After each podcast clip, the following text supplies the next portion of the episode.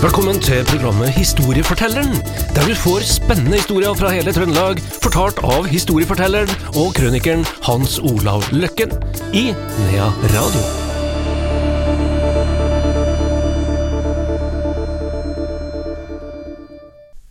Velkommen tilbake til Historiefortelleren her i Nea Radio, og det samme til deg, Hans Olav Løkken. Jo, takk, takk. Du, nå skal vi tilbake til et av dine favorittområdene, favorittsjangre. Det skal handle om fly, Ja, og så skal vi eh, møte en eh, ja, skal vi kalle en hedersmann fra Stjørdal. det skal vi gjøre. Og eh, vi skal gå tilbake først til sånn Jeg tror det var sist på 60, eller var det midt på 60? Da dukka han Kjell Aukrust opp i NRK. En, også en hedersmann. Og har skrevet mye artig og, og, og helt fantastisk eh, personlighet. Han dukka da opp i NRK med en eh, såkalt egenoppfunnen skikkelse som han kalte Edmund Bakken. Ja. Ja.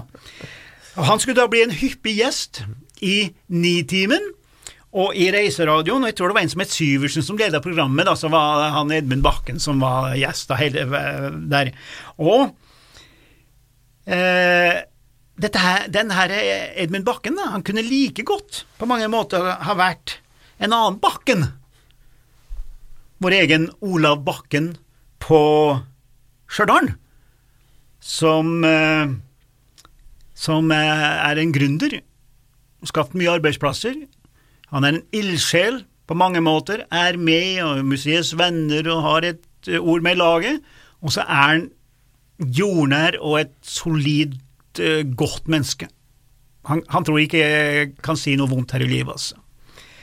Og eh, når, når han, han Kjell Aukrust presenterer han der Edmund Bakken, så introduserte han jo alltid med at det var en uutryddelig gammel hedersmann, stemningsmenneske og innehaver av Holmenkollskien.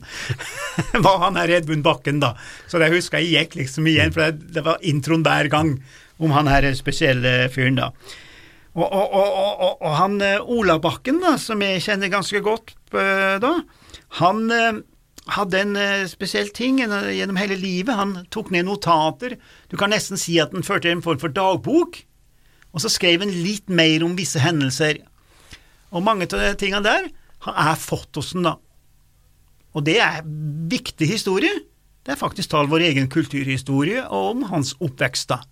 Og sånn. Og jeg fikk lov da til, altså, i siste boka mi, å trykke hans første flytur. Og det er den vi skal ta, ta fatt i her nå, fordi at dette her var da i den spede begynnelsen av småflyoppbygginga på Værnes.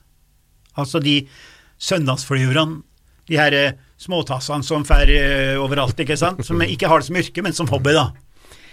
Og vi skriver lørdag 29. april i 1956. Da var han jo tidlig oppe, da, for han skulle være med kompisen sin, en som het Torgeir Hvalstad, og de skulle fly seg en tur til Hamar.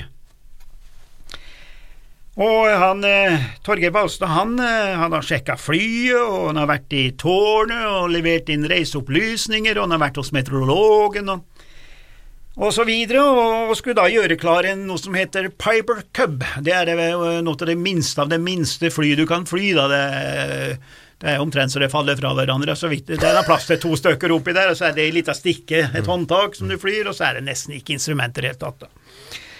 Men han, han, han holder jo på å gjøre klar den der flymaskinen, og Ola Bakken han står nå og ser på alt det der og blir jo veldig skeptisk. Det der, eh, det er alle er jo skeptiske, og eh, jeg husker sjøl når jeg fløy første gangen, jeg var litt sånn skeptisk jeg òg, da, selvfølgelig. Her. Så eh, Så de, de, de gjør seg klar. Så hadde de fått beskjed da fra meteorologen der om at med Røros, der lå det noen noe, noe skyer. Og de anbefalte kanskje da han, eh, å, å, bli, å fly litt eh, øst av Røros. Og det er ikke så mange, mange mil å gjøre det på, for, det er Sverige, ikke sant? Men de la opp kursen østover, lett, for å unngå de skyene som kanskje lå vest av, eh, av Røros, da. For å komme seg nedover Østerdalen og til, til Røros, da. Men han Ola Bakken, da, han fikk jo da en utakknemlig jobb. Han skulle være navigatør. Han hadde jo aldri vært i et fly.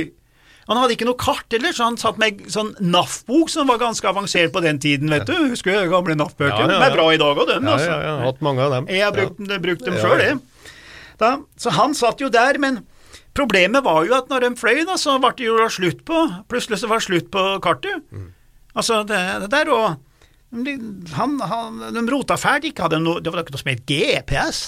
De hadde omtrent ikke noe instrument, de hadde et kompass som sto der og slo. Så de fløy omtrent på måfå, og plutselig så skjønner de at her er noe som ikke stemmer. Været er i og for seg ganske noe bra, men eh, kart og terreng stemmer ikke mer. Og Da skjønte de kanskje at de har kommet litt ut av eh, kurs, og så begynner de å titte ned, og så ser de at bilene kjører på feil side.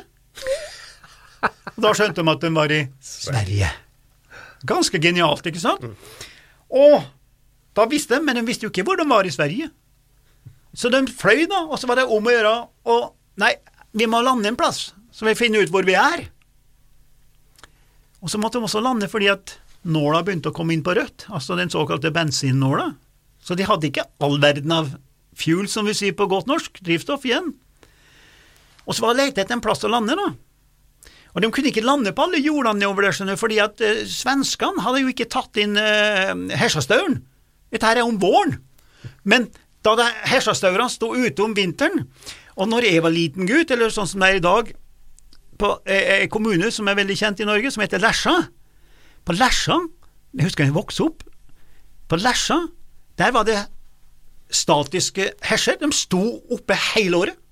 Mens vi tok ned hesjene, og så satte de opp igjen ved neste høyåren året etterpå, i de samme hølene her. Men ikke på Lesja, der var de ferdig der. Og sånn var det på visse plasser i Sverige. Så det var jo hesjer på de jæklige jordene, vet du, så det var ikke bare bare å lande på jordene. Men de kom seg da ned en plass, da, og skremte livet av de folkene som bodde på ø, området. De kom jo løpende til og lurte på hva dette var for noe. Og, ø, for det er jo ikke noe vanskelig med en sånn købb, en trenger jo mindre eller, eller, eller håndballbane, både å ta av og, og, og, lande på. Så de, de, de, de, de landa jo der, da, og fikk tak i bensin, det var heller ikke noe problem. Så skulle de ta av, men de gikk ikke særlig bra. Så de eh, Det det var litt snø igjen nå, vet du. Det var våren her, da, vet du. Her, så det var litt snø igjen nå, så det gikk til Bloksberg, det, vet du. Så fikk ikke nok fart, og fikk ikke løft, og føk ut i noen eh, snøfonner. Dro flyet innpå igjen, da, her. Og så ser de at det er skada propell. Hvis du har skadet en propell, altså i dag, så blir det jo det vi kaller grounda. Du får altså ikke fly der flyet før inspektører har vært der og sjekka og alt sånt. Det er veldig strengt i luftfarten i dag, men den gangen så var det en bonde som kom med Carlsson-lim. kom med Carlsson-lim og noe snøre og alt mulig, vet du, og reparerte og sto i. Men Carlsson-limet på den tida trengte jo i hvert fall ett døgn for å herdes. Så de måtte da overnatte, og ble jo nesten høyborn høybårne eh, viktige personer der i bygda, vet du, i Sverige der, og fikk traktement og rom, og det var ikke måte på hva de ble, eh, hvor godt de hadde det. da. Så dagen etterpå, da, så skulle de prøve å komme seg videre, og de har landa nå på en plass som heter Orsa, ORSA, cirka Orsa, det er ikke så langt fra Stockholm, nord av Stockholm der en plass, da. Det er faktisk tatt på samme breddegrad som Hamar, da, bare at hun var i Sverige, da. Her som har kommet langt nok sør, men de skulle jo da vært vestover. Så dagen etterpå så fant de ut nei, vi kan ikke ta med bagasjen, så da får du, Olav, ta drosje til nærmeste flyplass, som de visste lå da noen mil unna, en sånn småflyplass. Så skulle han ta av sjøl, han herre Valstad, da, vet du, få den flymaskinen opp i lufta, og så lande på den plassen, og så de dra videre. Og det var suksess. Flyet kom seg i lufta. Olav tok drosje, ble plukka opp på den flyplassen av kompisen, og de dro rett vestover til Hamar, som flyplassen heter da Staffsberg den dag i dag. Og der møtte de en nær slektning av en Olav, så han fikk seg en flytur, og optimismen den var fortsatt like stor, så de tok av fra Hamar da, og fløy nordover, og kom så de så Værnes, og da visste de selvfølgelig hvor de var, da. Men de var jo fra Skatval, så de tok en tur bortom Skatval, og så droppa de bombe over Skatval med en hilsen fra svensker. og sånn var det. Den er skrevet, da, liksom på heimplassen, da. Og, og eh, dagen etterpå, da, når de var på fest på, på, på lokalet, eh, på, på Stjørdal, eh, ganske kjent lokal eh, der.